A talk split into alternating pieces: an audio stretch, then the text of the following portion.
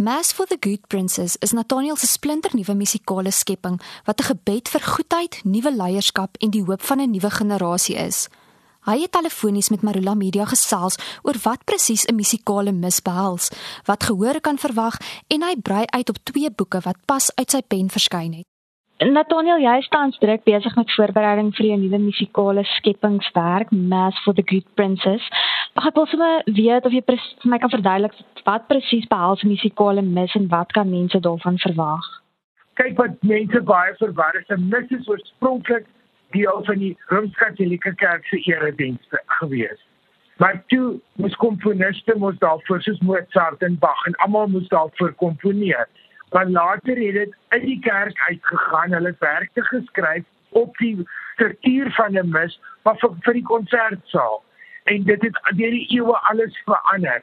So jy kon bewegings jy gebruik die oorspronklike teks, maar jy kan ander dele bysit. Jy komponiste ruil dele om. Party komponiste het praat teks tussenin sodat mense verstaan wat gebeur. En myne bied ek aan soos 'n show. Daar's 1 miljoen mense op die verhoog en is 'n koor en musicians en percussion en oral dis baie dramaties. Mense het al twee stukke daarvan in Afrikaans en styl gesien hierdie jaar en verlede jaar. Maar ek praat met die audience tussenin. Dis nie van daai soos 'n klassieke show nie. Na 'n stuk musiek klap jy hande want almal is geskryf om losstaande ook te werk. Jy kan net een stuk op 'n aansting of hierdie koor in Holland gaan een stuk sing en daai koor gaan 'n stuk sing, jy weet so. En ek vertel vir mense die storie daarvan. Wat is die geskiedenis van hierdie stuk? Hoe het dit oorspronklik gedoen? Wat was my rede vir hoe ons dit doen en so. So dit vir 'n gewone mens, dit doodgewoon 'n Nathaniel konsert, maar net baie groter. En as ek reg onthou, is die idee om 'n mis te skryf 'n jarelange droom wat nou uiteindelik vir jou gestalte kry. Wanneer het jy die eerste keer daaraan begin dink om Sweets aan te pak? 40 jaar terug op universiteit het ek 'n stuk geskryf wat se naam is The Inexplicable. Ek het al my musiekvriende, ons het 'n hele orkes gemaak, ons het al die opera studente gevat, 'n koor gemaak, so rare temming was op die Marcus en Orgel wat daai jaar eers ingewy is en ons het skelm in die nag gereis en een dag met 'n lunch hour konsert. Ek moes 'n Chopin stukkie speel. Dit almal opgestaan. 50 van ons met ons stoele en ons musiek staan en ons het net hierdie ding gedoen.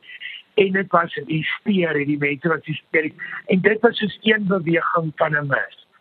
Ek het nou nog 'n brief gekry. Twee musicians wat mekaar daai aand in die show ontmoet het, het verloof geraak 'n jaar later en dit is getrou nog 'n jaar later. Dit is hulle anniversary van daai musiek musiek is ook hulle troudag.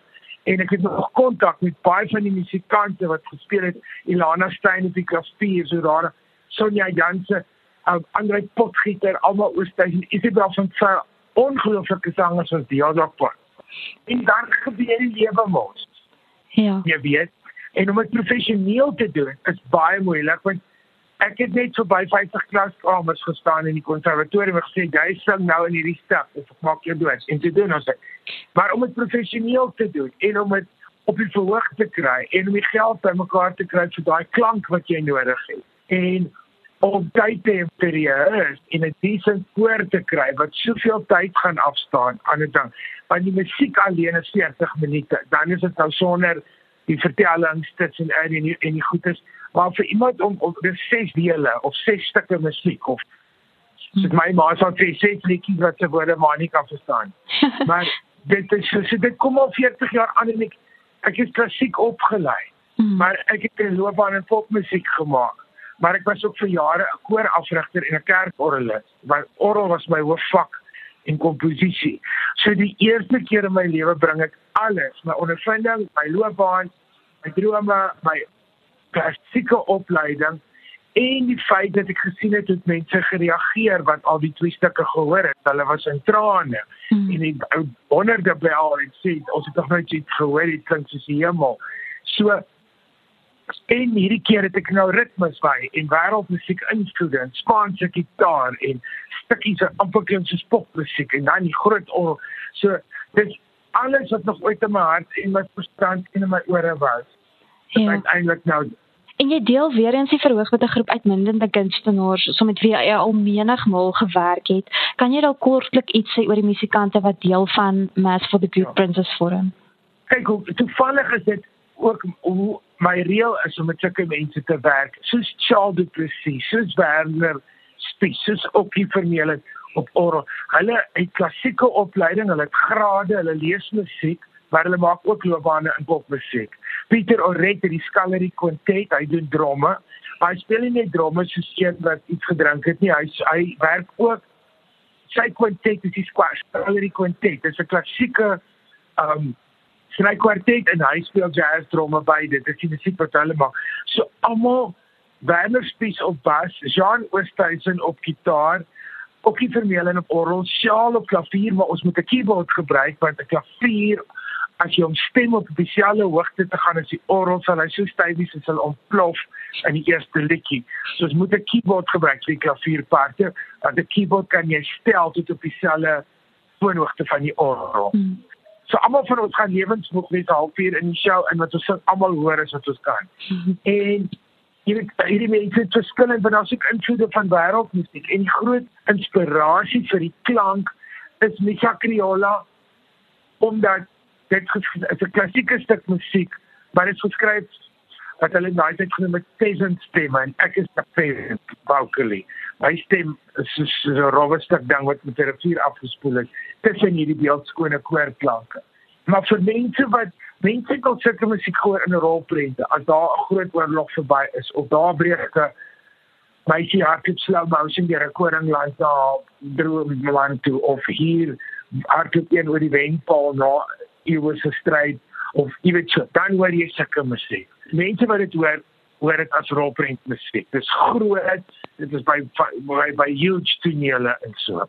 So afgesien van die wonderlike musiek is daar ook 'n dieper liggende boodskap wat alles saambring en dis 'n gebed vir goedheid, nuwe leierskap, hoop van 'n nuwe generasie. Wil jy dalk iets daaroor sê?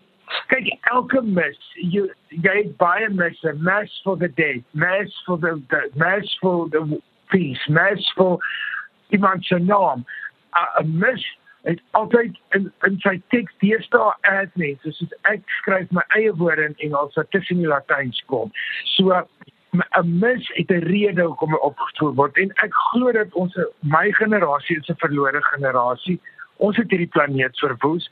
Ons leierskap is wêreldwyd so korrup, so egoïsties. So jy kan nou sien hoe skiet hulle civilians op die hele aarde lande. Mm. verstaan jy? Dit is en ek het toevallig gelees op 'n letterkundige webwerf op om ander redes dat prins in Engels die woord prins is een van die woorde met die mees positiewe konnotasie vir lesers of luisteraars in Engels. Want 'n prins simboliseer goedheid charm. En ons het ook die uitdrukking prins charming. En prinse is die mense wat die figuur wat die belofte het hy gaan leierskap ontvang. Maar dalk is hy beter as sy pa. Dalk is hy beter as die huidige regering. Dalk kom daar 'n trou hy verliefde en nie om dit polities reg is nie. En sy hart is goed. Ek glo vas dat ons kans om hierdie planeet is my groot passie ek skree ook mense om hulle plastiek in hulle kombuis sit en omdat hulle nie film gebruik en omdat hulle jy weet ons het die beste kokke wat sy na die Antoinette se tyd en my ouma. Hulle het net sulke goed gehad, die nog steeds fantasties gelewe. Ons is net aan die mors. Ons vermors en ons mors. So nuwe leierskap gaan net uit 'n nuwe geslag uitkom en die prinse is vir my die simbool van goedheid en leierskap. So mass for the good princes as ons bid. 'n Mis is 'n lang gebed. Hmm. Jy prys daarin, jy smeek daarin jy vra om vergifnis, jy verduidelik mis bevat ook 'n credo wat 'n geloofsbelijdenis is wat sê waaraan glo ek? En die hele ding is opgedra aan die redding van die aarde en die feit dat die jong leierskap wat ek prinses noem in die ding maar dit is nie 'n simbool maar dat die jong leierskap eendag met ondervind as jy nou dink die doen die betogings vir die planeet? Wie aktief is aktiviste om ons aarde te red. Dis die jong mense, dis nie die ou mense nie. Hulle sit in hulle ways en profit is al wat hulle tel, skelm deel, politiek en egos.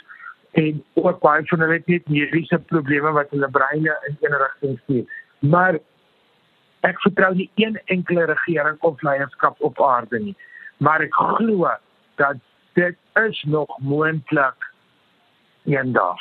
Dit is waaroor die mis se boodskap gaan. Nou Nathaniel, jy is deurlopend besig om te skep en stories te vertel, um, saam met die natuurlik die musiek ook wat jy komponeer en so aan.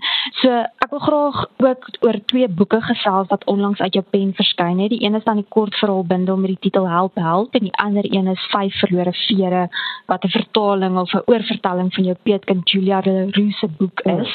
So van die kortverhale en Help Help is verwerkings van stukke wat voorheen in jou teaterproduksies vertel is.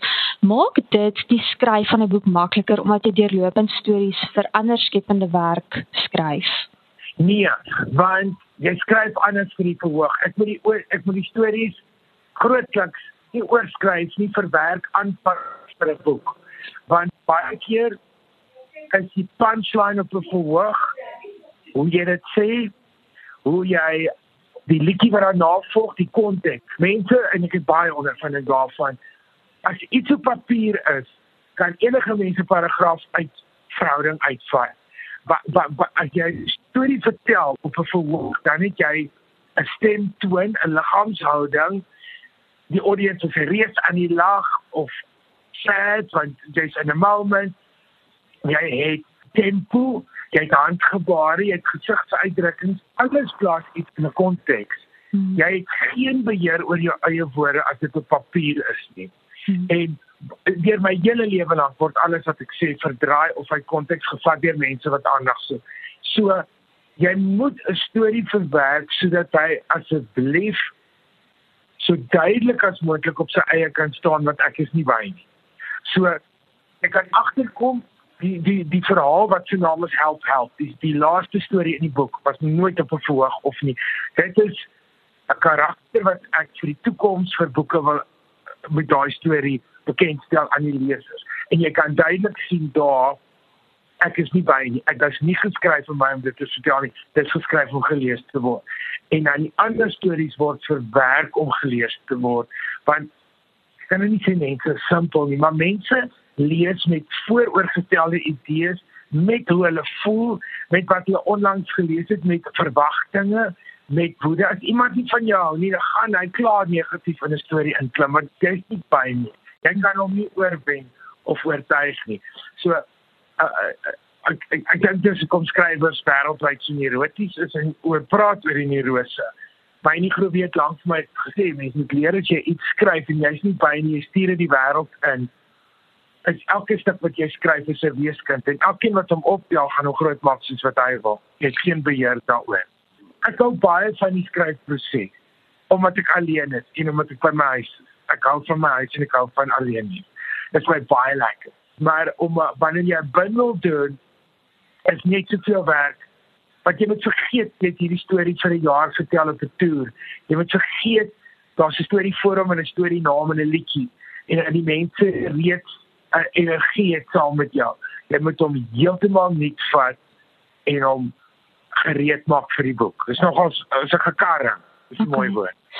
Voel jy dan dat daar sommige van die stories is wat jy op die verhoog vertel wat jy dalk miskien nie een of ander tyd in 'n boek gaan of in 'n gaan verwerk in 'n kort verhaal met die oog op publikasie nie wat dalk ook vir jou ja, voel dis baie na aan jou. Ja, stories wat eenvoudig nie 'n slot het. Hmm. Dit loop net normaal in die musiek. So jy kan nou nie daar skryf hier stop dit vir jou is 'n liedjie nie. Die liedjie is vir baie keer die storie is die insident en die liedjie is die moral. Ja. Die emosionele en die reële boodskap wat uitkom. So sekere goed is nie in die boek nie wat ek geskryf het en so bloot want dit is so spesifiek geskryf vir 'n verhoog. Hy voldoen nie aan die begin, die middel en die einde reël van 'n storie nie. Ja. Dan nou kom net vir die verhoog. Nee, dit maak sin. So die bundel het nogal 'n baie treffende rooi voorblad wat my by my daai indruk van gevaar wek en op my mening ook gepas is vir die titel van die boek. Voel jy ook dat dit gepas is of wat het jy in gedagte gehad? Ek dink aan goed dit ek as ek 'n voorblad, ek het 'n idee en ook die feit dat dit tydens die Kersmark te koop is. Rooi is die Kersfees. Dis ook dan baie jy hoef nie papier te koop nie want jy gaan wragtig nie papier kry wat mooi is die voorblad jy kan net 'n druk op my boek vat en hom vir iemand gee Dit is een ding. Die ander ding is my boek moet uitstaan in 'n winkel. Hmm. So daar gaan sulke modes of baie mense is diep hulle het sulke effe kleurige covers of een se niggie het nou geverf hier 'n woestyn en krem en daar is 'n hartseer foto en hier. Ek laat my ontwerp design dan plak ek hom op 'n op 'n Facebook dan ry ek winkel toe dan sit ek my boek oral in die winkel neer. En as ek terug staan moet ek daai boek van baie ver af kan sien. En dit is so ek my, my en ek dink ook emosioneel wat is my vorige voorblad? Wat is dit? As jy al my boeke op 'n ry sien wat maak 'n goeie collection en ek het toevallig 'n bloedrooi groot kleed aangetree vir hierdie jaar vir my groot Kersfees vertoning. En te vroeg vir jaar in Amsterdam gaan sing ek dit 'n ander ene aangetree wat ook massief soos 'n koningskleed is. En toe besluit ek ek gaan teen die een weer nog so so ek op die voor ek ek hou daarvan. Ons het net al die prentjies van die storieetjies in in in in die is bygesit.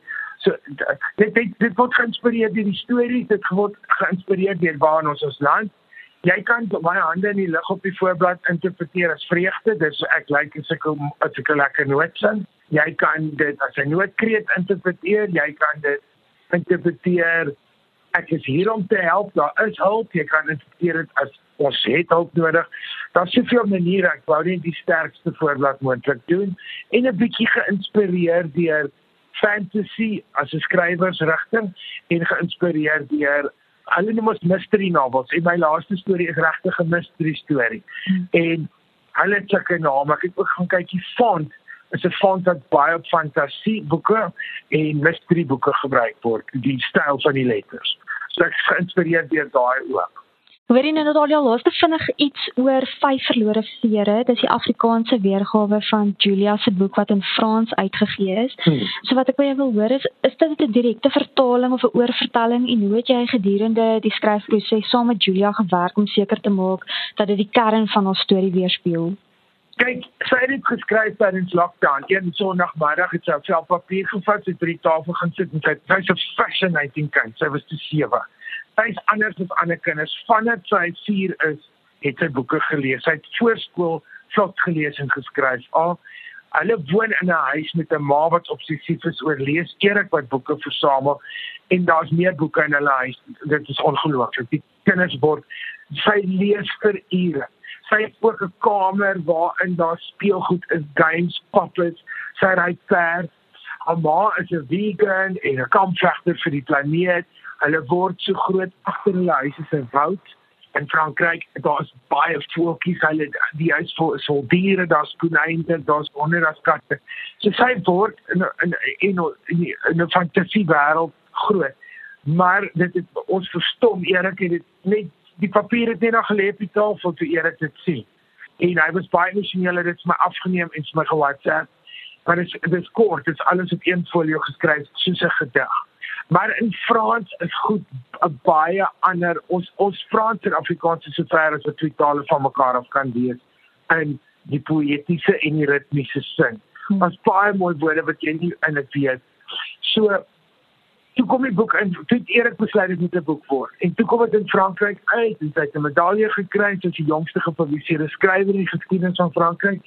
En sê Erik maar sy is halfpad Suid-Afrikaans. Dit is sy kind ook en ander mense moet dit lees. Hy kan dit nie vertaal nie en ek kan Frans verstaan nie. Intussen omdat die kindjie lees en haar sussie ook en hulle praat Engels ook in die huis. Het sy is sy slot in Engels nou. So ek het met haar gesit en ek gesê tell me what what is the first line? En dan vertel sy my die storie in Engels en dan sê ek so it means the goose will fly and she said no. It won't fly. It will run. En dan so ons het dit nie woord vir woord want jy kan nie uit Frans uit die ding vertaal wat wat op gesoek gedig geskryf het. So sy het vir my ek en sy en Erik het om 'n tafel gesit en sy het vir my uit haar eie mond uit die stories oor vertaal en Erik help in Engels en Frans en praat met haar sy nie lekker weet wat dit in Engels nie in. So en toe het ek dit neergeskryf en dit ek dit in 'n Afrikaanse idiom en 'n Engelse idiom probeer mooi maak dat dit nie net simpel is nie want die, dit, dit gaan oor hoe die woorde gebruik word. En Nou Erik het vir terug vertel en sê, "Wee, no." En so en so het ons daar uitgekom. So dit is nie so 'n vertaal nie, dis iets oor vertel en dis hoe kom ek op in in sister hulle sê nie vertaal nie. Hulle sê dis oor vertel. Ja, want dit is um, dat 'n belangrike verskil tussen tussen die twee konsepte. Ja dit is met haar goedkeuring oor vertaal en ons het twee Franse name die uitgewer wou dit in Engels sê en Frans die name was te moeilik. En sy was woedend daaroor en op die ou het dit gesê ja okay ja daai naam mag vertaal word daai naam mag nie.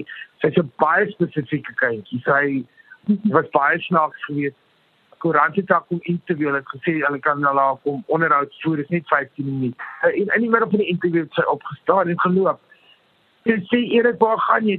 Sê 15 minutes is over that's what you say. Reg.